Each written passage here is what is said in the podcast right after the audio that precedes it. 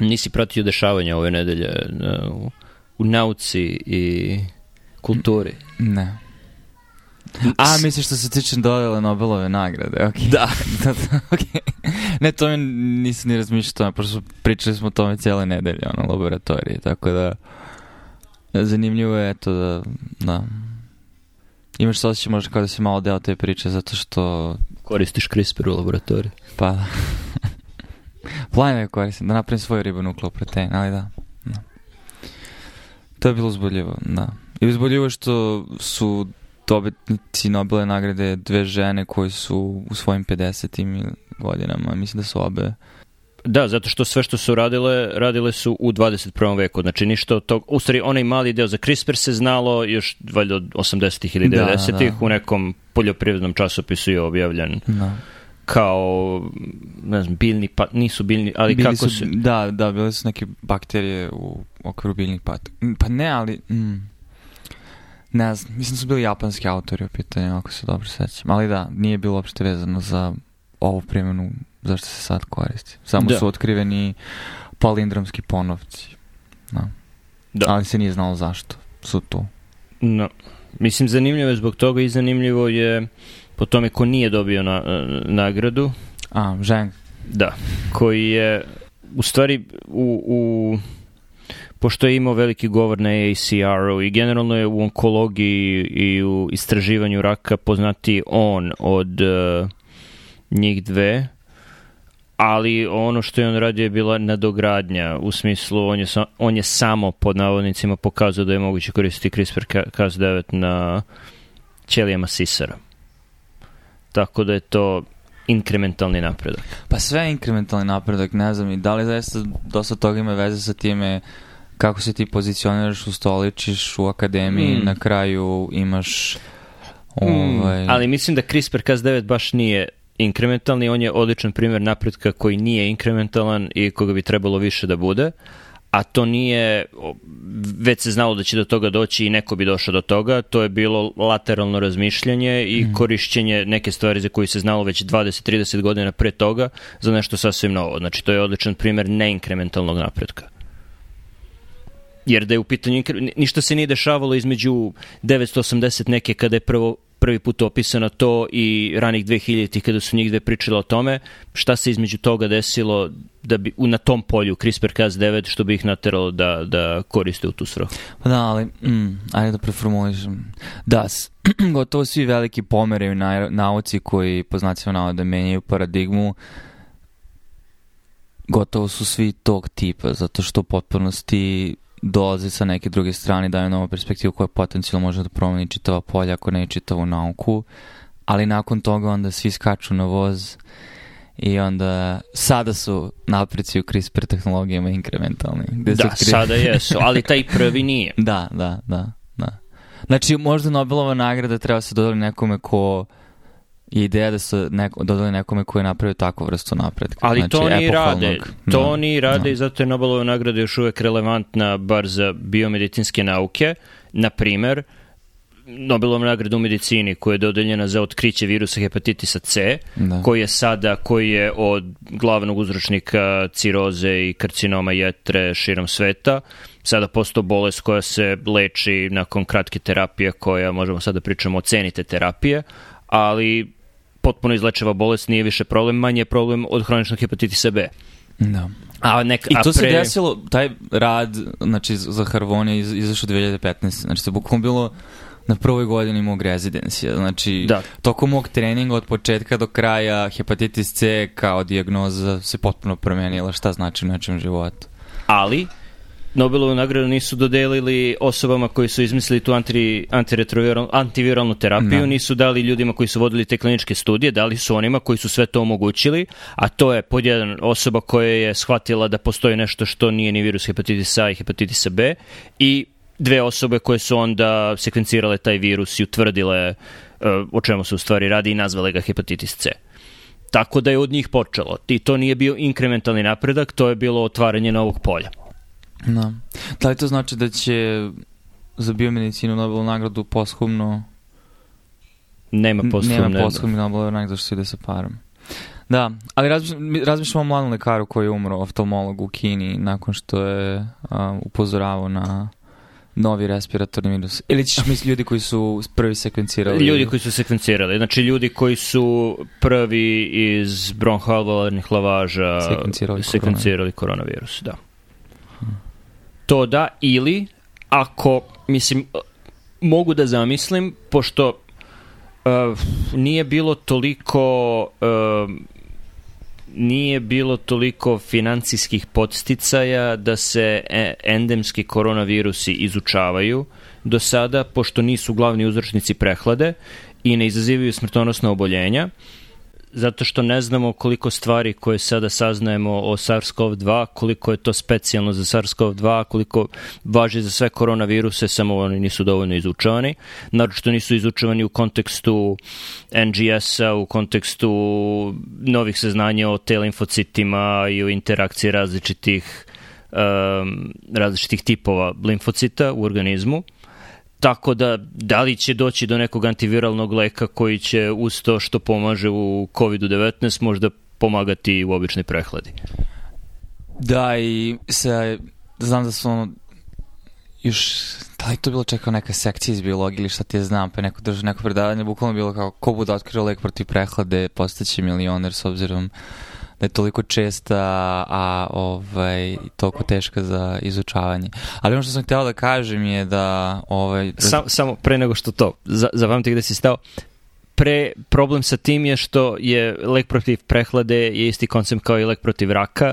Ne postoji jedan uzročnik prehlade, postoji gomila različitih virusa za koje će vjerojatno postojati gomila različitih lekova. Dobro, ali pričamo, da. Ali u užem smislu koronavirus i ja su jedni od virusa koji izazivaju prehladu obično. Ali ja razmišljam sam o tome čak i u širom kontekstu u smislu, a mislim da smo o ovome pričali ranije, da sada više nego ikada radimo praćenje širenja, to je samo transmisije infekcije, širenje infekcije, kliničke slike različitih markera u okviru ljudskog organizma i da ćemo možda više saznati generalno o virusnim infekcijama, zato što mnoge od ovih stvari jednostavno nikad, možda nismo nikada ni detektovali u virusima gripa ili nekim drugim virusima samo zato što nikada nije bilo relevantno da toliko detektujemo, tako da zna.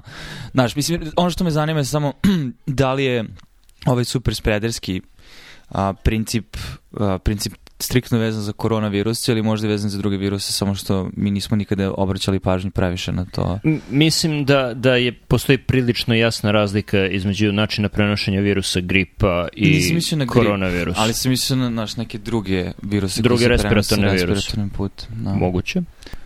Verovatno će nešto do čega dovede istraživanje SARS-CoV-2 i COVID-19 dovesti do neke Nobelove nagrade u sledećih 20 godina. Ne treba biti suviše, ne, ne treba biti vidovit da, da to može da predvidiš.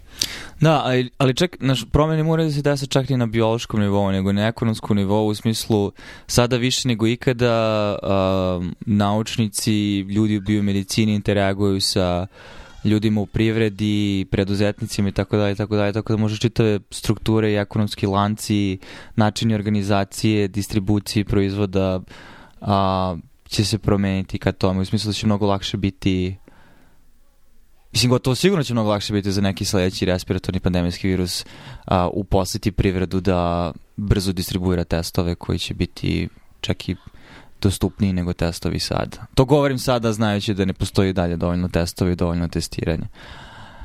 Što mislim, iskreno, kad smo pričali o predikcijama vezano za ovo, mislim da smo i ti i ja precenili odgovor, o, barem Sjedinih država, u skladu sa znači, osje, osjećajem koji imaš, ok, prva je ekonomska sila i samim tim bi trebalo da široko raspostavljeno testiranje bude prisutno, do kraja godine, što ne znači da nije moguće da je bilo prisutno, ali možda i direktno vezano za čitavu političku situaciju, a ne za ekonomsku situaciju.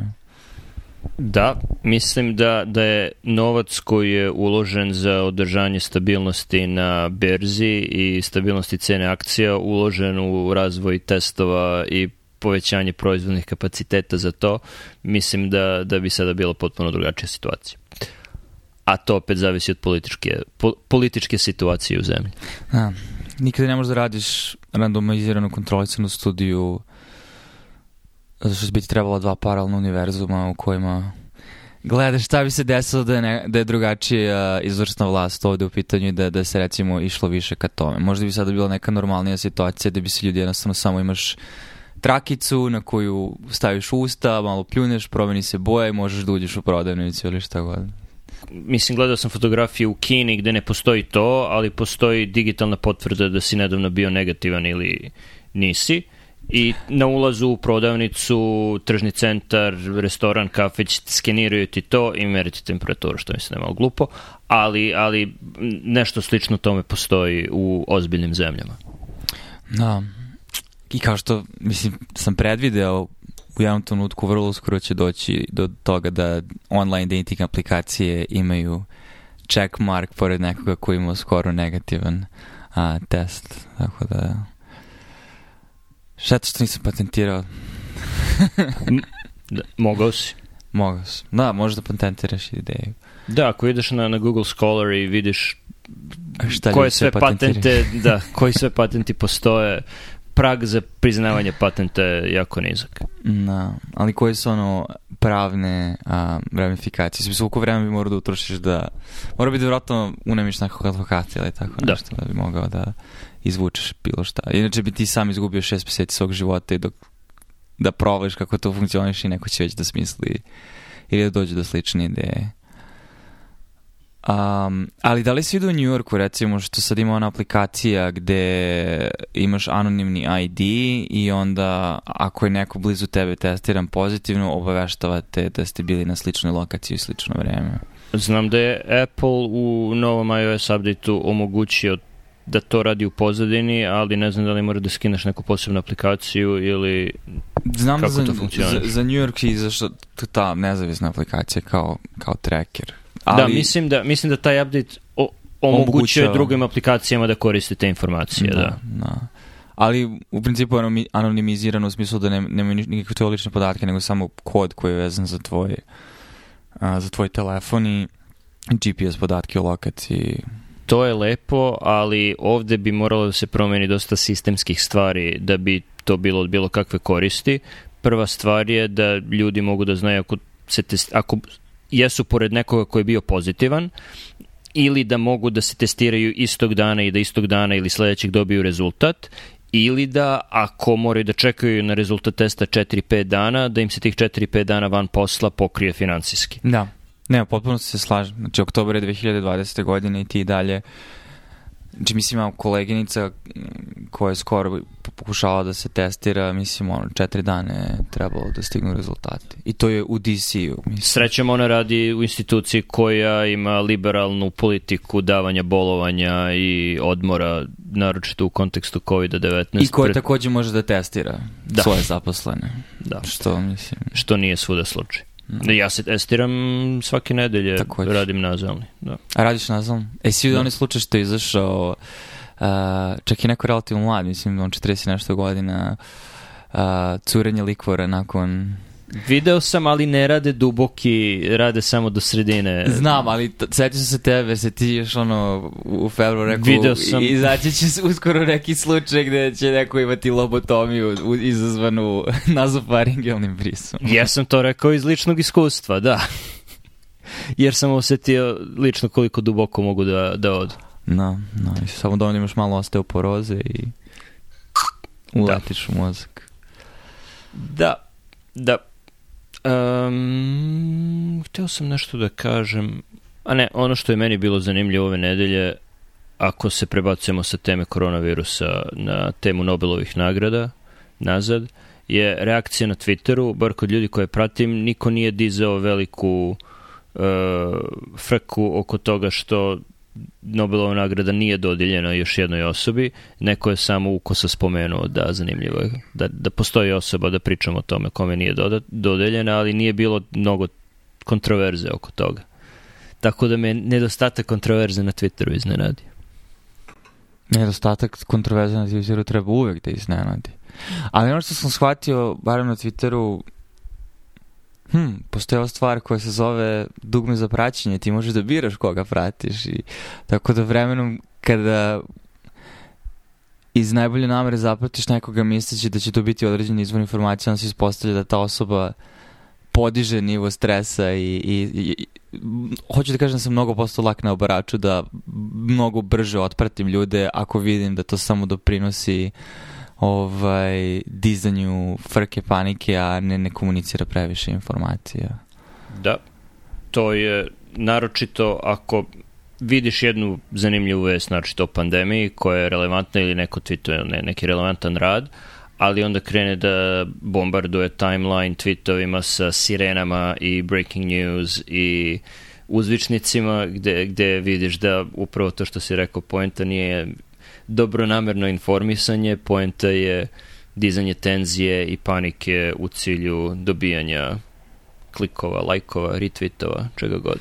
Da, mislim, morat će ono infrastrukturalno da se promeni način na koji interagujem s socijalnim mrežama, jer trenutno je valuta socijalne mreže mislim pažnja, a šta privlači najviše pažnje stvari koje te plaše ili stvari koje te uzbuđuju, tako da Um, ali mislim da su neki ljudi sami provalili uh, da postoji drugi način da komuniciraš, samo mnogo svesnije moraš da ulaziš onda u, u, u to. Da ima ljudi koji samo pišu o produktivnim stvarima ili generalno imaju otvorene konverzacije bez mnogo osude dru, tuđeg ponašanja i mislim da je to za, neop, za to neophodno dosta truda to je ključno da osoba sa kojom interaguješ na Twitteru ima da je dobronamerna. Jer vrlo lako ako ti je cilj da se posvađaš sa nekim na Twitteru, ako ti je cilj svađa, uvek možeš da pronađeš u bilo kom tweetu razlog da se ne slažeš sa nekim i, i razlog da, da se oko ne, nečega pokačeš. Pogotovo što jako lako može doći do nesporazuma, ali onda kada se uspostavi interakcija koja je znači, svadljivog karaktera, nekako ljudi odjednom smanj, smanjuje se vjerojatnoća da želiš uopšte da dođeš do neke vrste dijaloga, već se onda ti učvrstiš možda u nešto što te neko ubaci u ćošak nekog razmišljanja i onda ti braniš to mišljenje iako možda i nisi ti sam toliko ubeđen u sve to, ali osjećaš to kao lični napad i potrebu da, da odbraniš mišljenje, osobu, šta god, mislim, kogod je deo tvoje in grupe.